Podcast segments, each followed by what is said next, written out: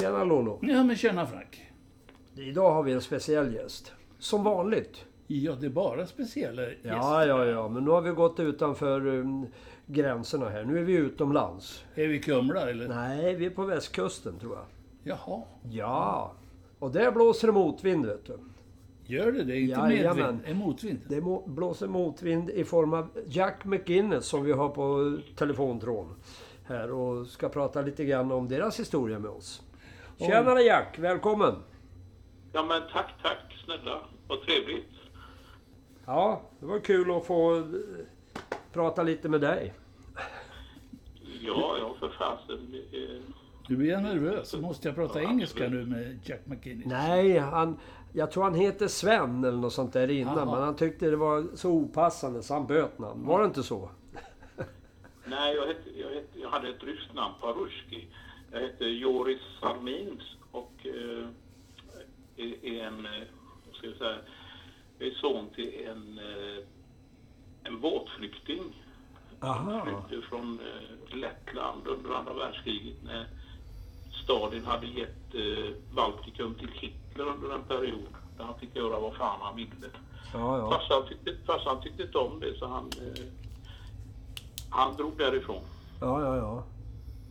Han tyckte inte om någon av de här två eh, diktatorerna men eh, Ja, ja, ja. så, att, det var väl så att de här eh, nazisterna som heter, de, eh, de ville att farsan som var en väldigt känd fotbollsspelare och hans kompisar som Ja, ja. också vid sidan om fotbollen jobbade på ett skeppsvarv. De skulle laga tyska ubåtar och ange sina judiska kollegor och lagkamrater. Men det ville inte farsan och hans kompisar. Så när nackskotten började eka mellan eh, varvs, varvssidorna på båtarna, där, eller skeppssidorna, så, så fick de möjlighet att dra till Sverige via en gammal utrangerad fiskebåt.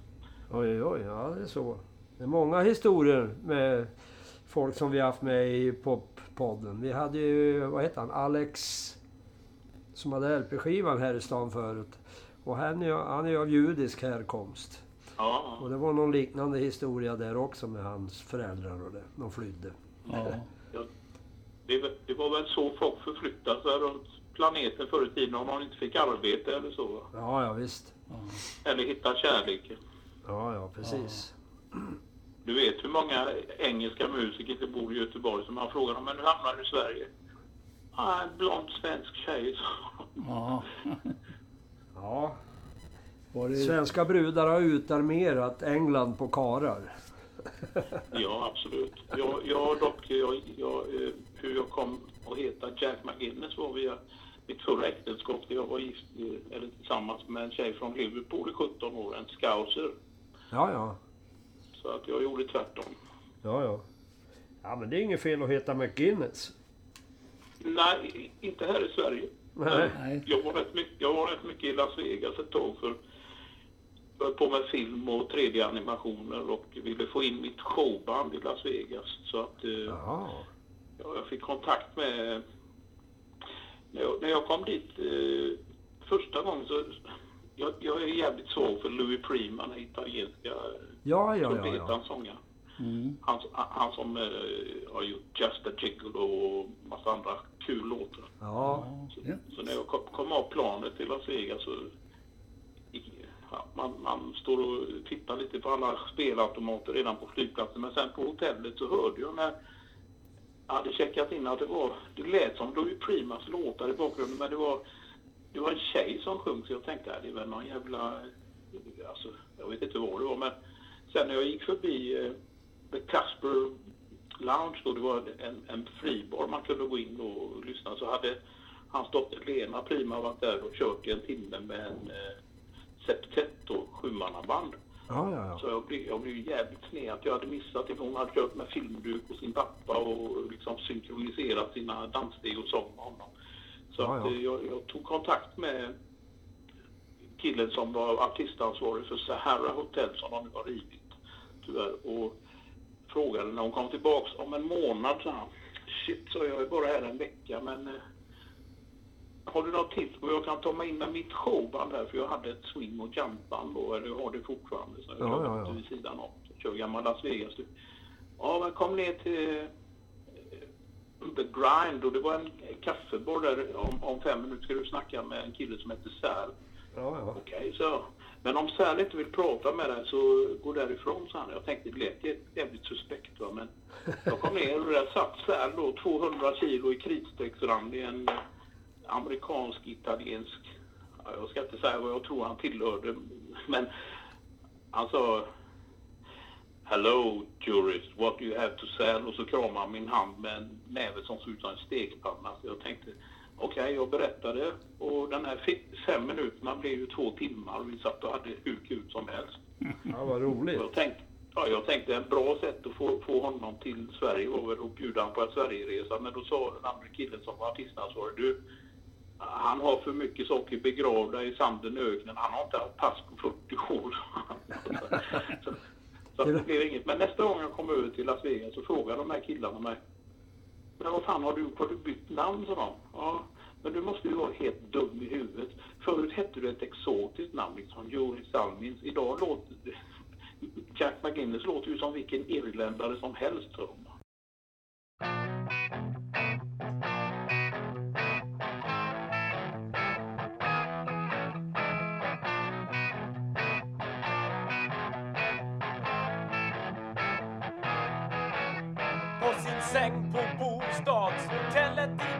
I sitter Janne och kollar sin dumhet.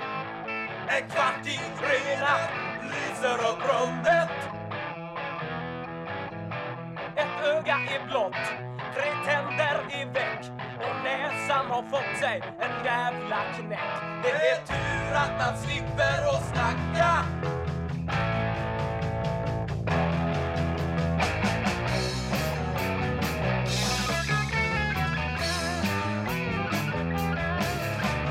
En kväll det blev på tavernan hos Tage. Det startar så lätt med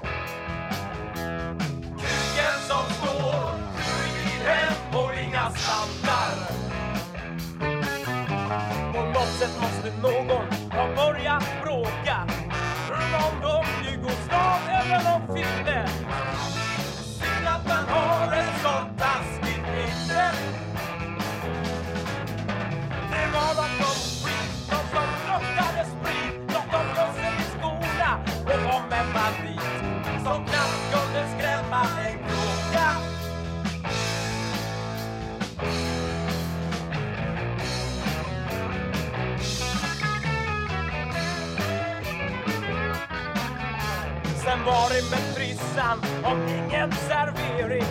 Fast det var svenskar som skrev bättre tider. Och vi är väl ändå individer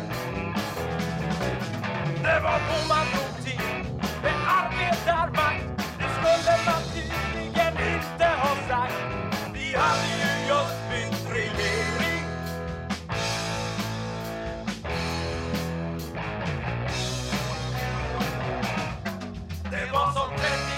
kallt, sju mil hem och inga vantar.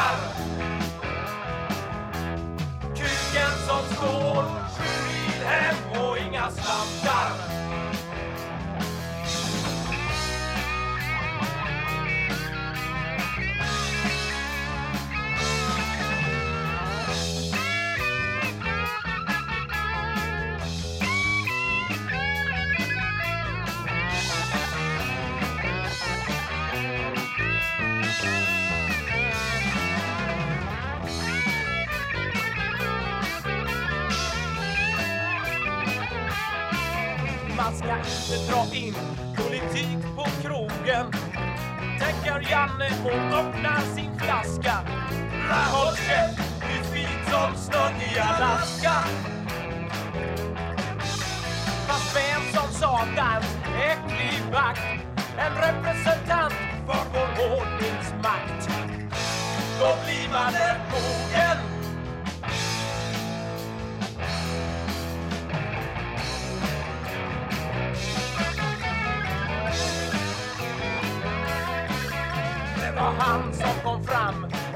Och blaja. Han stod där och flina och snacka om Boman. Först sa man håll käft och sedan så slog han. En sån jävla grej. En katt täcker Janne och tar sig en redig klar. Det var därför det blev svarta Maja.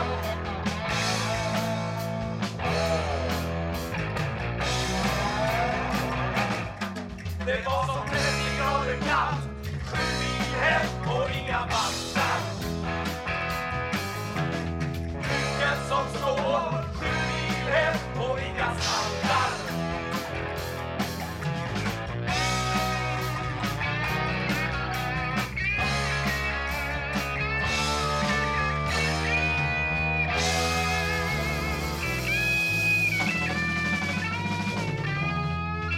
Börjar med en riktig anekdot här. Ja, det var ju kul.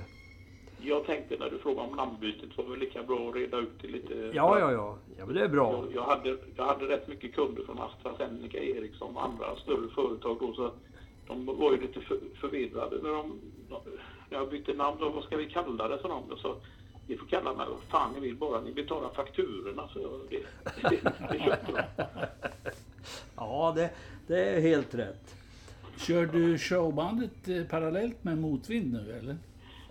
Jag har kört showbandet sedan 2004 egentligen när jag hade premiär på Casino Cosmopol här i Göteborg. Sam, sam, samtidigt som jag hade nio stycken internationella filmprojekt och att vår yngsta dotter skulle födas samma dag som premiären var.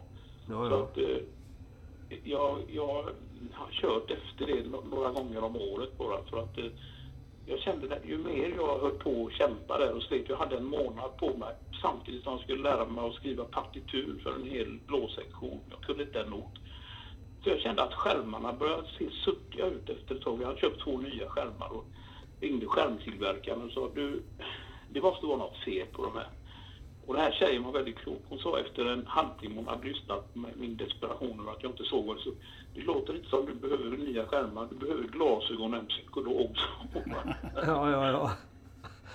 ja, jag kraschade lite där men jag reste på mig igen på nio och körde klart projektet. Ja, ja, Så ja. att swingbandet Jack McGinnis and the Hot Bullets, de har de spelar då och då. Vi kommer väl göra några spelningar till hösten men det, det är vid sidan om som sagt. Ja, ja. Ni kommer aldrig att dra er upp till Örebro med showbandet? Jo, det finns ett problem bara med alla de här bluesklubbföreningarna och klubbarna. De är väldigt konservativa. För de vill ju ha treackordsband som man känner till. Va? Och vi, vi, vi, vi har låtar från 1923 som liksom har varit med i musicals och sånt. Va? Och vi gör tung swing och blues rock utav det. Men de vill höra de här treackordslåtarna. Komma in i den gängen, då får man nästan, eh, vad heter det, Spränga sig in? Ja, man måste, man måste vara kusin med dem eller någonting. Jag, jag, jag orkar inte lägga så mycket tid på att övertyga folk Nej, om att nej, det här nej, är svinbra. För Du Jack, eh, ska vi fly- förflytta oss till Örebro? Ja, jag nu hörde inte. jag det dåligt. Ja, jag tänkte- Örebro. Ska vi förflytta oss till Örebro och Ja, Sköneferger? ja, vad kul, vad kul. Och Sköneferger, vad minns du om det? Ja, men hur mycket tid har jag på mig? Ja, Prata tills du är klar. ja exakt. Ja, men vi måste börja med en äggskärare i ett kök i en arbetarlänga i Göteborg 1958. Då. Oj. Det var, det var då jag började spela på ett stränginstrument egentligen. För jag, jag hade en döende syster i rummet bredvid köket. Ja. Och en jävligt elak far i rummet, i andra rummet. Men i köket vid morsans fötter vid spisen så kände jag trygghet. Och hon sjöng sådana här skillingtryck dagarna Ja, ja. Kanske för att hon var ledsen för hon visste att hon skulle förlora sin dotter och hade gift sig med en idiot. Men jag låg där och, och började plinka på en äggskärare jag hade snott till mig från nedersta kökslådan. Och så försökte jag klicka in de här tonerna med hennes eh, sång då, och, och det funkade men hon hörde ju inte mig. Va? Så jag tänkte jag får, jag får gå över till gitarren som hänger inne i syrrans rum. Hon hade en jättefin gammal Evid-gitarr. Ja, ja. Och ställde, jag nådde inte upp till den, men jag, jag stod på ett par kuddar och hoppade upp och, och hoade i hålet för att höra ekot. Och när jag, jag kunde komma, fick dem att ta ner den så luktade jag upp fernissan och sånt där. Men det var, det var ett fantastiskt instrument tyckte jag. Så att eh, den vägen gick det. Och sen så fick jag väl morsan att köpa mig en gammal Egmont-gitarr 1967.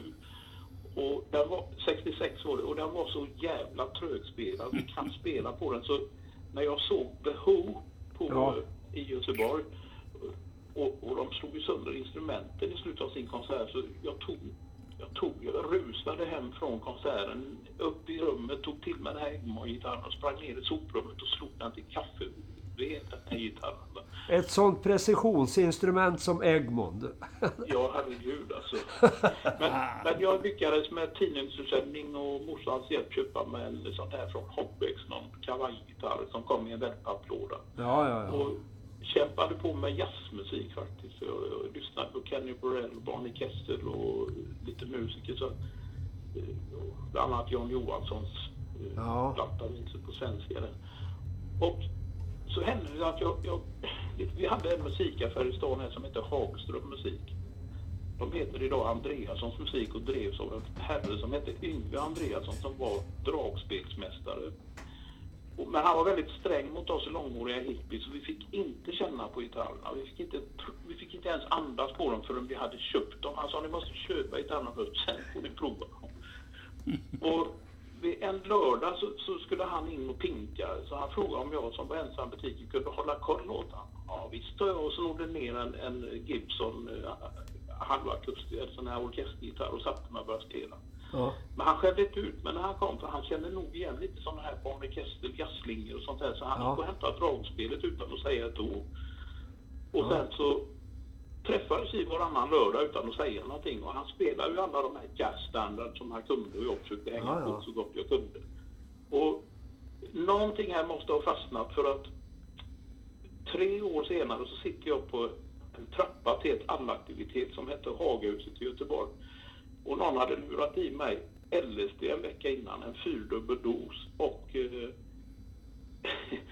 jag hade faktiskt träffat Barney Kessel då, för han spelade på Jazz Arthur här. Och eh, jag trodde han var en pingvin för jag var så stenad så jag blev portad från klubben för att Gunnar Lindgren som ägde klubben tyckte att jag kastade bort min talang ja, ja. på, på att, detta, att, att hålla på med droger och sånt. Så att när jag satt på den här trappan så kommer det i alla fall med en niosträngad gitarr. Jag hade tagit bort lite strängar och stämt dem i kvarter, kvinter och Ja, ja. oktaver. Så, så kommer det fram en snubbe som ser ut som Gustav Vasa och ställer sig fram till mig och säger Fan vad schysst du lirar grabben. Åh fan så. Ja okej. Ja, säger han, ska du hänga med hem och lyssna på Miles Davis och kolla porrtidningar? Jag tänkte, jag fick ingen sån vibb att det skulle vara något knasigt med honom, men jag hängde med hem och han, han tog fram förstoringsglaset och visade mig porrtidningarna. Och så lyssnade jag på Miles Davis. Det var min introduktion till Miles Davis då. Oj, oj, oj. Och sen gick jag hem. En vecka senare ringer han och säger, ska du hänga med på turné grabben? Ja, jag trodde det var rockmusik eller något jag, jag kunde hantera bättre än jazzen. Men eh, visst så, jag. De kom och hämtade mig en folkvagnbuss, en gammal hippiebuss. Och, eh, vi körde upp till Örebro där första spelningen skulle vara. Jag frågade hela tiden, men ska vi, när ska vi repa då? Jag hade ju fått med mig min hemmabyggda förstärkare och högtalare men jag tänkte repetera bör man ju då. Ja, det löser sig då, sa de då.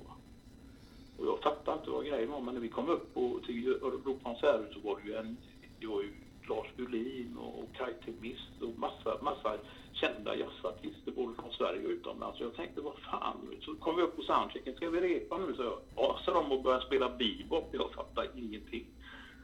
Men jag förstod vad de var ute efter, för Miles Davis gjorde så att han, han tog in, in unga snubbar som inte var jazzmusiker för att experimentera och se vad som hände. Det var bara att jag vägrade att spela på den konserten för jag kände, jag kände mig så jävla dum och inkompetent. Ja, Däremot ja. var jag med dem i tre veckor ute och turnerade. Och vi hamnade bland annat på Powerhouse som Sjunne Ferger och hans mamma drev. Legendarisk jazzklubb i Örebro då. Ja, Och eh, Sjunne och jag snackade och jag jammade några gånger. Och när vi kom hem till Göteborg så eller jag kom hem, bandet kom hem till Göteborg och så ringde Sjönne efter några veckor och frågade om jag ville eh, hänga med ut på en Miles-turné i Sverige. Jag tänkte jag fattar ut inte Miles men jag sa visst, jag var ju spelkåt. Och jag flyttade upp till Örebro under en månad, tror jag, eller en och en halv och bodde hemma hos Åse och Sjunne och repeterade och blev vettskrämd varje morgon när Åse skrek som en megafon att, eh, och halvnorska upp och hoppa grabbar, det är frukost. va. Men vi satt ju och repade och jammade till långt in på nätterna så det blev inte mycket sömn där men jag fick ju lära känna dem båda och de var ju fantastiska.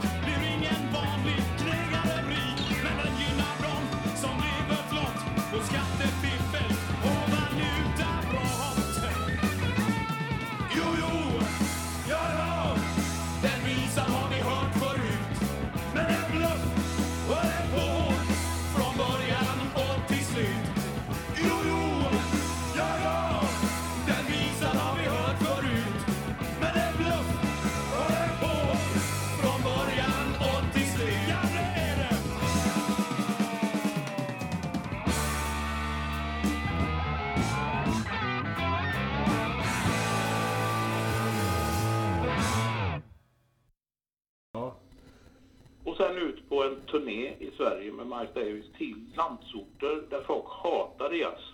Vi hamnade i Munkedal där killarna som förmodligen var arvtagare till eh, drängar och eh, boxare eh, ville mörda Sjönne och oss för att eh, spel, sluta spela den tattarmusiken sa de. Eh, spela rock'n'roll och och de andra blev livrädda. Men jag tänkte jag, jag hade alltid en kvart renat innefickan som trygghet om det skulle gå åt helvete. Så jag tog, gick ut med skinnpajen och ställde mig på baksidan med de här killarna och frågade vad som var problemet.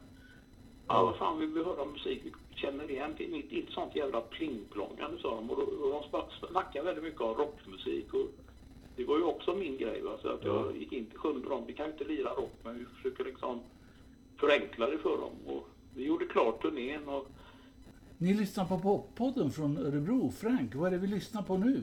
Vi lyssnar på Jack McGinnis från Motvind och hör hans historia om hur han började lira musik. Ja, och träffa Sjunne. Bodde du i Lundby då, Jack?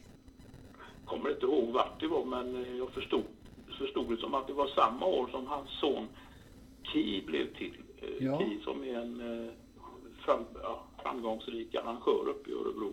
Just det, just det. Kulturaktiebolaget. Så att, eh, jag vet inte om kvinnan i hans liv var där då för att jag, jag var upptagen med andra kvinnor och försöka förstå Miles. Alltså. Ja, ja. Så att, men eh, där, där, eh, där gjorde vi ett uppehåll, jag och Sjunne. Vi pratade i telefon ganska ofta men eh, vi spelade inte ihop på något mer. Nej, nej. Men, eh, men eh, Motvind breakade ju ungefär samtidigt och eh, det, det, var, det var inte... Det var egentligen en revansch för att eh, jag är autodidakt. Jag har liksom aldrig gått i skolor och sånt där. Utan jag har lärt mig på eget bevåg. Så att eh, jag eh, hamnade lite snett ett tag och då, då hamnade jag på något som heter Arbetsvården i Göteborg där Sten-Åke Cederhök och hans kollegor hade hand om unga människor som inte riktigt visste vad de skulle göra. Så de gjorde handlagstest och eh, jag, de kom fram till att jag skulle hålla på med musik eller konst så de skickade mig till Ljungskile folkhögskola där jag skulle ansöka Ja, för att lära mig att bli musiker då på ett eh, formellt sätt. Men eh, jag tror inte de förstod vad jag gjorde där för att mina konkurrenter, eller de andra sökande var ju unga tjejer med studentmössor och farsor med ryggmössor utanför som stått så på när tjejerna gick in med fiolfodral och där kommer jag med Jesusknäppare på axeln, en uppkläppt skinnpaj med bar bröstkorg och eh, hippielook och eh, lågt skurna brallor och sjörövarstövlar på mig. Så att jag tror de som satt i panelen fick sketslaget när jag kom in. Va? För att, eh, de, jag, de frågade vad jag gjorde där. Jag sa, jag tänkte ansöka till skolan. Så frågade de varför har du inga noter med dig? Men det tänkte jag skulle lära mig här. Och då tittade de på mig och sa jag var idiot. Va? Så att, eh, jag hann spela ett och ett halvt stycke. Sen sa de tack det räcker. Eh, jag åkte hem till Göteborg. Sten-Åke Cederhök och hans kollegor öppnade brevet de fick från eh, folkhögskolan, eller musiklinjen. I Det stod att jag hade varit påtänd, otrevlig och var musikaliskt obildbar. Och det där såg jag som, det där ska de fan få käka upp. Alltså, jag hade inte, hade inte liksom nyttjat några droger och jag var väl hyfsat nervös för att göra det här men eh, musikaliskt obildbar kunde jag omöjligt vara, tänkte jag då. Så att eh, efter ett tag så startade jag Motvind och eh, ihop med en kille. Och eh, vi, vi, eh, vi hamnade bland annat i Örebro. Och var, vi var där ganska många gånger och spelade, men vid ett tillfälle kom jag ihåg när Trivsel-Torsten, vi brukar bo på hans hotell. Och jag hade åkt på en fruktansvärd influensa. Så att eh, Trivsel-Torsten och eh, Torry Bernhard, den gamla sångfågeln, de försökte få mig, kurera mig mot eh, min vilja då, för jag kände mig som jag var tuff och skulle klara det här själv. Men eh, nej, det blev blåbärste. Jag tror till och med att Tori sjöng vildandens sång. Och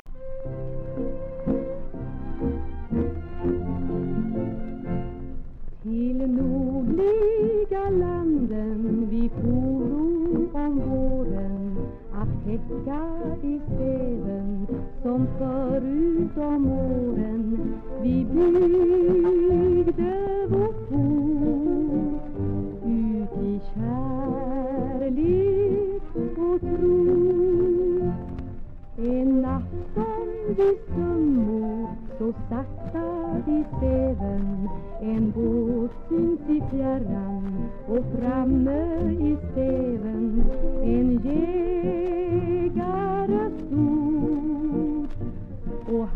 han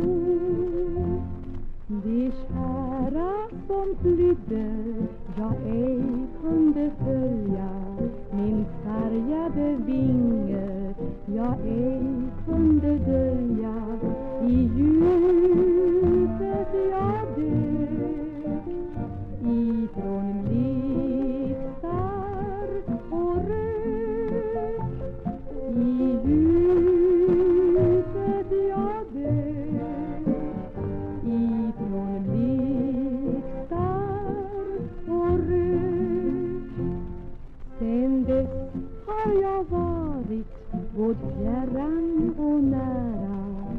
Runt sjöarna varit och sökt mina kära. Men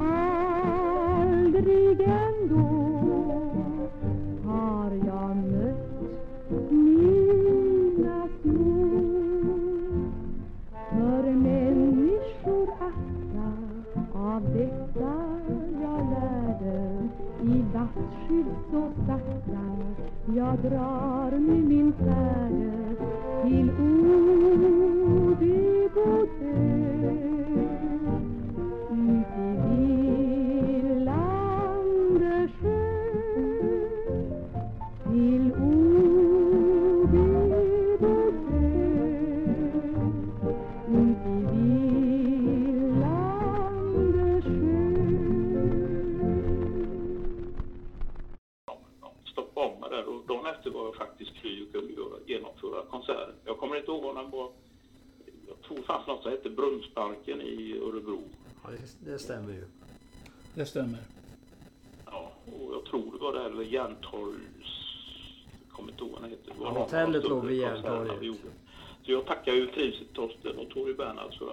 backade en kollega och kund. Så att, eh, vi pratade om det där. Jag sa jag, jag vill starta ett rockband och jag vill att vi sjunger på svenska om sånt som angår oss. Va? Och så blev det. Eh, där startades Motvind. Ja, ja. Fast, var... fast namnet, var, namnet var inte Motvind för, för början. Jag, från början. Jag hade fått för mig att vi skulle heta Putti Putti efter Elvis sån här låt Ja, ja. sjunger på hawaiianska eller någonting. Och Göran ville att vi skulle heta Johnny Atom and the Rockers. Och Det var ju fränt. det fanns något brittiskt namn som hette Pirates eller någonting. Jag kommer inte hit eller Pirates eller något. Ja. Så att, eh, nej men det, blev- det blev så att jag var på, jag hade en väldigt ung flickvän som hade en väldigt, eh, ska vi säga, en mor som drev en dansskola som var väl lite upper class hon tyckte inte att hennes dotter skulle ihop med en rockmusiker och knarkare och idiot. Va? Så att, rockmusiker var jag, men knarkare har jag inte varit. Alltså. Men vi var på rymmen från henne för hon hämtade tjejer med polis då va, varje gång. Och det var ju pinsamt. Alltså. att, eh, Vi hade fått låna en lägenhet av en kille eh, en natt. Och vi kände väl att den där unga, de unga hormonerna tog över hela natten. Så när, när jag skulle till replokalen som låg 200 meter därifrån eh, mjölksyran i benen var, den kändes av när jag gick upp, för backen och det stormade och regnade småspik och blåste rätt i ansiktet. Så jag sa, fan motvind ska vi heta. Och så fick det bli.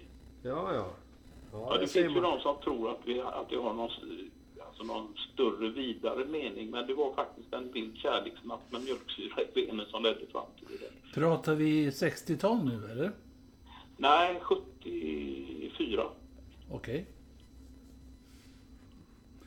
Var du med då i Göteborg på Tagestiden och Blond och det här? Så det var ju ett Ja, väldigt... ja, ja, herregud. Jag, jag, jag tittade på många av de artisterna som fanns här. Tages och Why Not och Ja. Perhaps och sen kom, sen kom ju band från eh, uppifrån också. Janne Kappers första band Opus 3 var väldigt intressanta. November och ja, november var bra.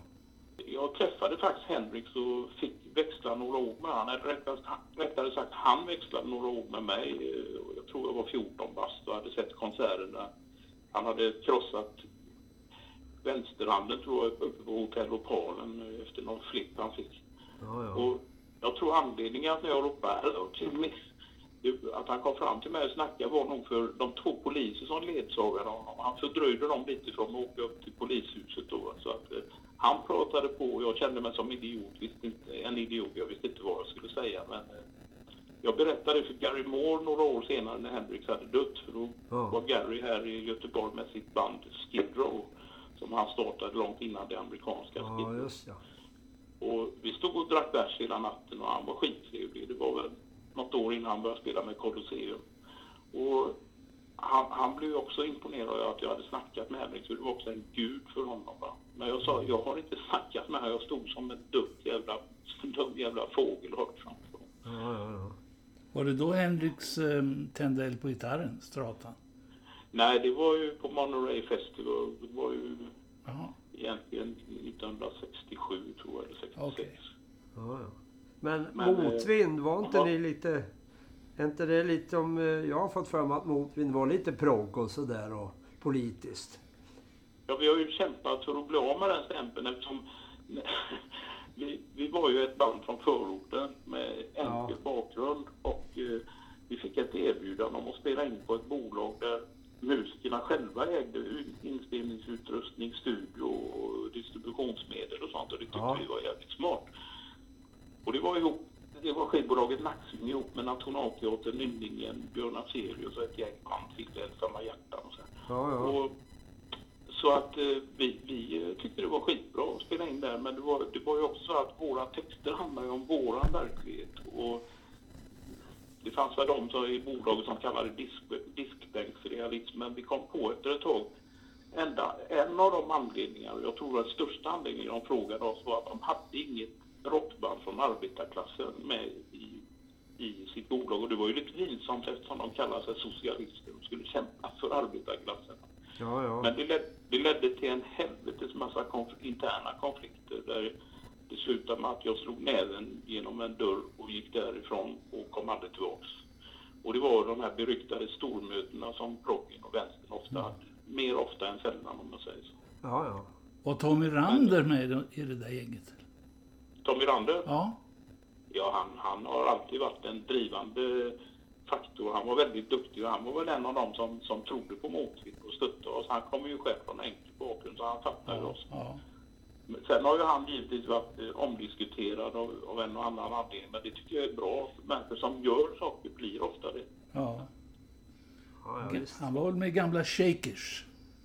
Ja, just det, precis. Ja. Jag hjälpte han med hans hemsida för några år sedan, men eh, det stannade av för han hade ju på så mycket med speedway. Va? Ja, ja. Och han skriver böcker och arrangerar resor till Polen där, där de kollar på speedway, de speedway-freaks som finns kvar i Sverige. Va? Ja, ja, ja. Så att, eh, ja nej men han, han är ändå, jag tror han gjorde sitt sista band, spelning med Shakers i, var det i mars någon gång i år? Jaså? Oj då. Ja, de, var, de har varit ute och spelat några gånger om året de med.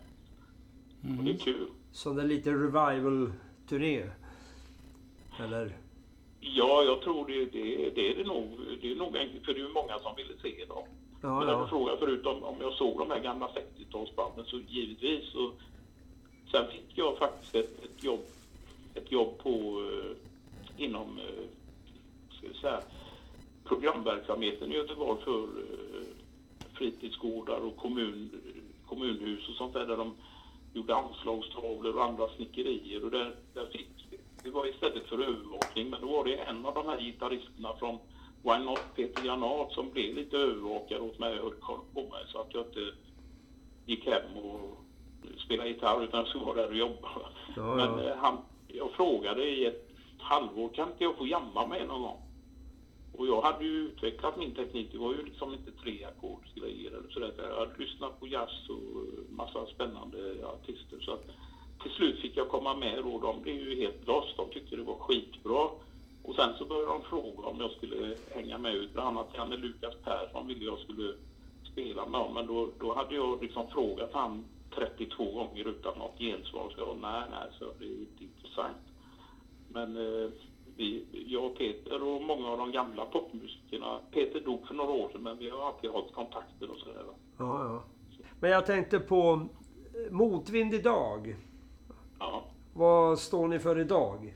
Om man säger musikaliskt sett. Är Ni, du sa att ni ville bli av med den där politiska stämpeln. Spelar Ja, ni men- gamla ja. låtar eller kör ni nytt material? Nej, grejen är så här. De texterna vi skrev, de passar ju väldigt bra. Jag kan ju säga direkt att Göran som var med i tre år, som var våran sångare då innan jag tog över, han, han, var, han var ju mer politiskt skolad än, än någon annan jag känner. Va? Så att han kunde skriva, han skriver jättebra texter och då skrev han väl texter eh, kanske lite i, eh, i den tidens gång. Va? Och det är klart, jag har försökt skriva texter som inte är så politiska, som handlar mer om reella händelser och människor som jag har känt då, eller eh, Ja. känner va? Och, och situationer. Men mer i ett allmänbegrepp. Som Snacka går ju en låt jag skrev 1980. Den, den handlar ju egentligen om alla politiker som snackar dynga. Va?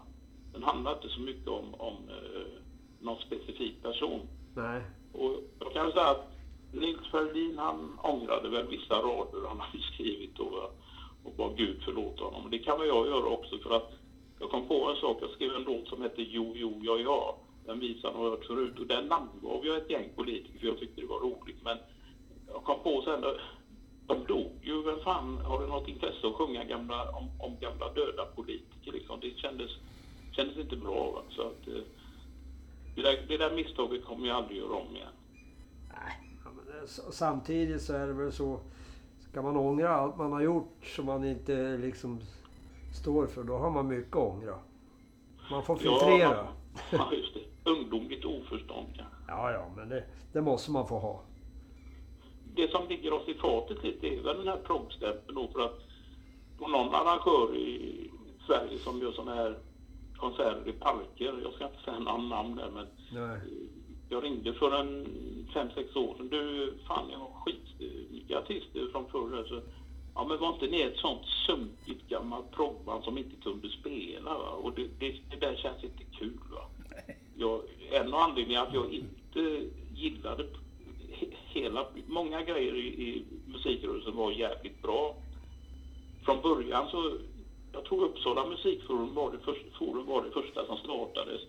Och där var ju meningen att jazzmusiker, bluesmusiker, rockmusiker, klassiska musiker och visans vänner och författare, poeter, konstnärer skulle träffas för att testa olika konstellationer och lära av varandra. Va? Men det var ju när poli politiken kom in och började käka upp de här drömmarna som gick åt helvete. Va?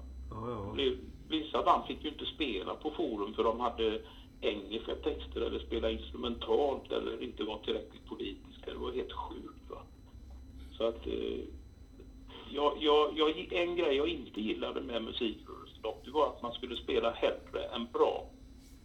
Och, och det, där, det där stred emot alla mina principer. För jag, jag tänkte nog att nej, jag vill spela bättre än bra. Så att eh, jag har ägnat mycket tid åt att repetera och förstå vad jag gör på mitt instrument. Och sen höra folk som går upp och sjunger politiska kampsånger men knappt kan spela. Det blir jättelöjligt. Men du nämnde Nej. att du håller på med lite... Du skriver manus nu. Vad är det du gör då? Är det film eller teater Ja. eller? Jag tog, jag tog en frivillig time-out från Motil runt 84. Mm. Det, det hade liksom blivit eh, som ett löpande bandjobb. Jag tänkte jag kan lika gärna gå tillbaka och ställa mig vid bandet på Volvo eller eh, som transportarbetare eller whatever. Jag hade massa jobb innan Motil började rulla på. Eh, mellan 14 och 20 års ålder. Så att, då, ja. jag, jag, ursäkta, nu glömde jag frågan.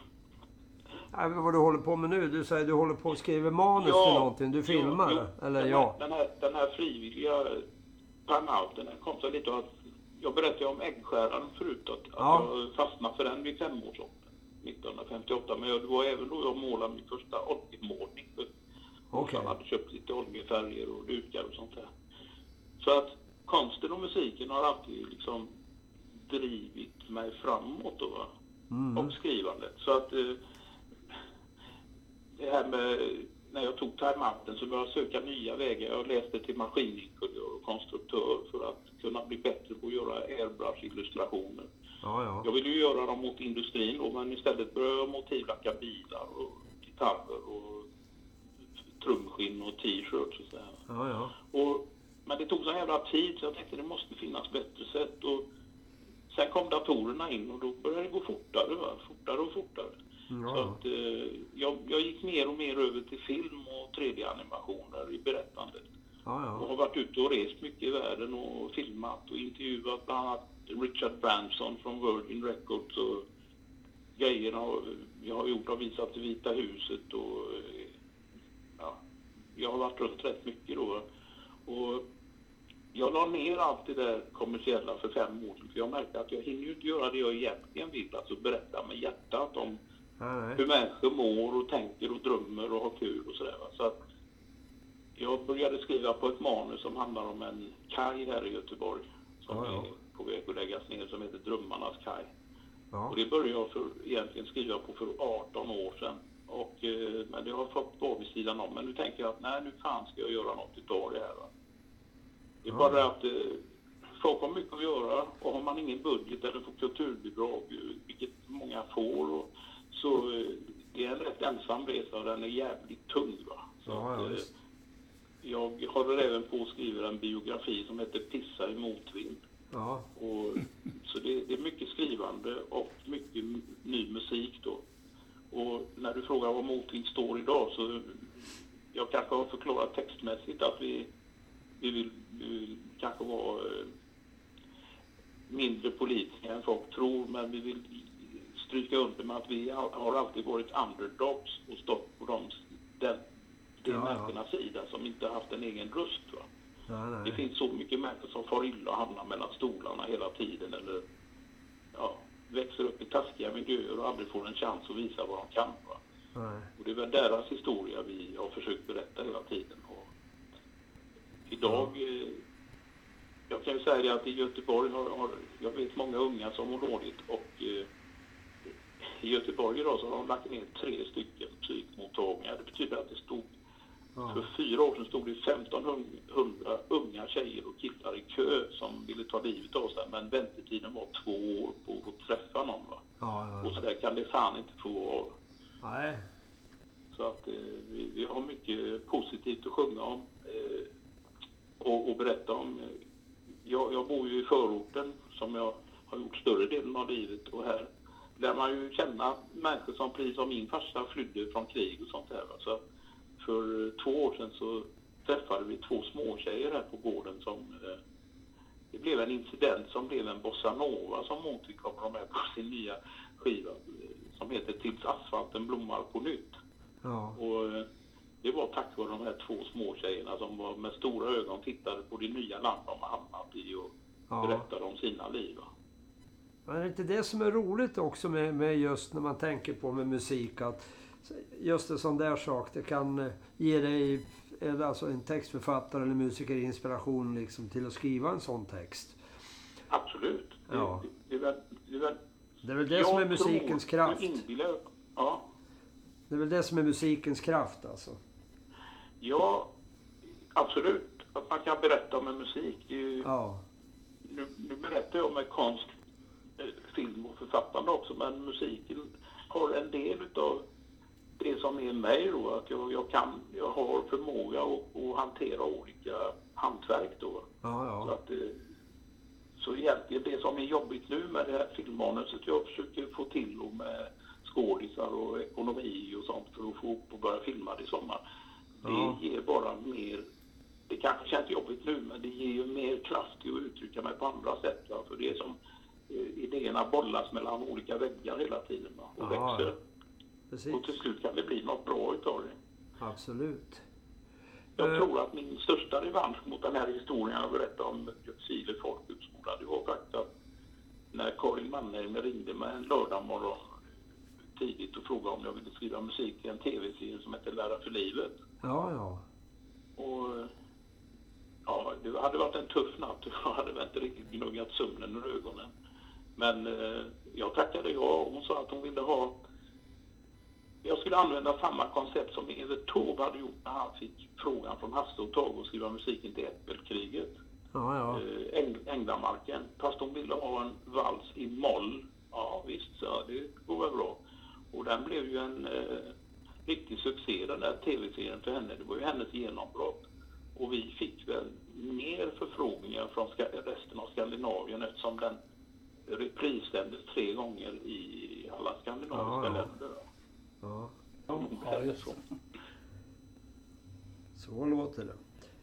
Jag tänkte på, vi kanske skulle avrunda den här lilla intervjun. Ja, Men eh, vi vill ju gärna ha lite grann eh, musik ja, som ja, du har gjort. Om du kunde skicka upp till oss då det du tycker är ja, relevant för dåtid och relevant för nutid. Jo, men jag skickar, jag skickar. Jag ska kanon. Ja, någonting sånt. Har det gått nu Frank och hej Ja. ni andra? Ja, ja, absolut. Ja. Vad kul att ha med en göteborgare här för, för skull. Precis. Bra. Tack så mycket. Ja, Hej, tack. hej. Hej, hej.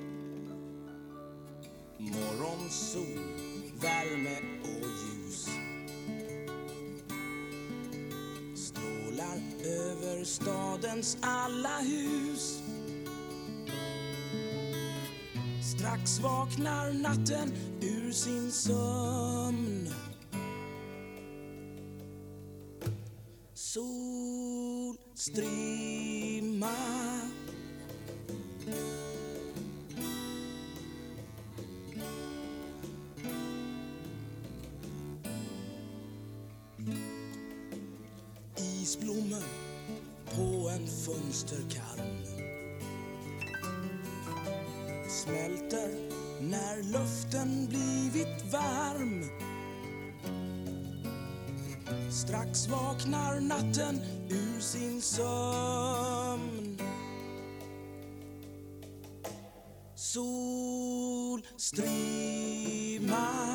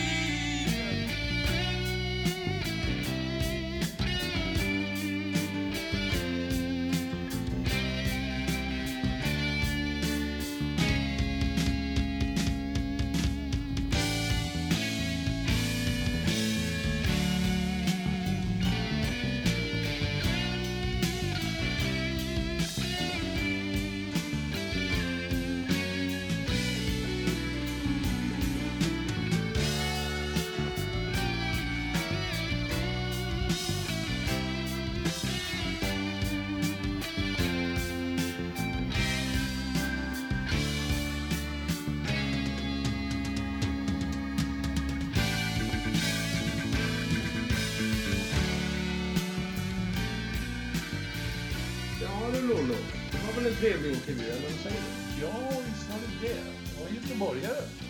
Ja, ja. Han var ju trevlig för att vara göteborgare. Ja, det tycker jag.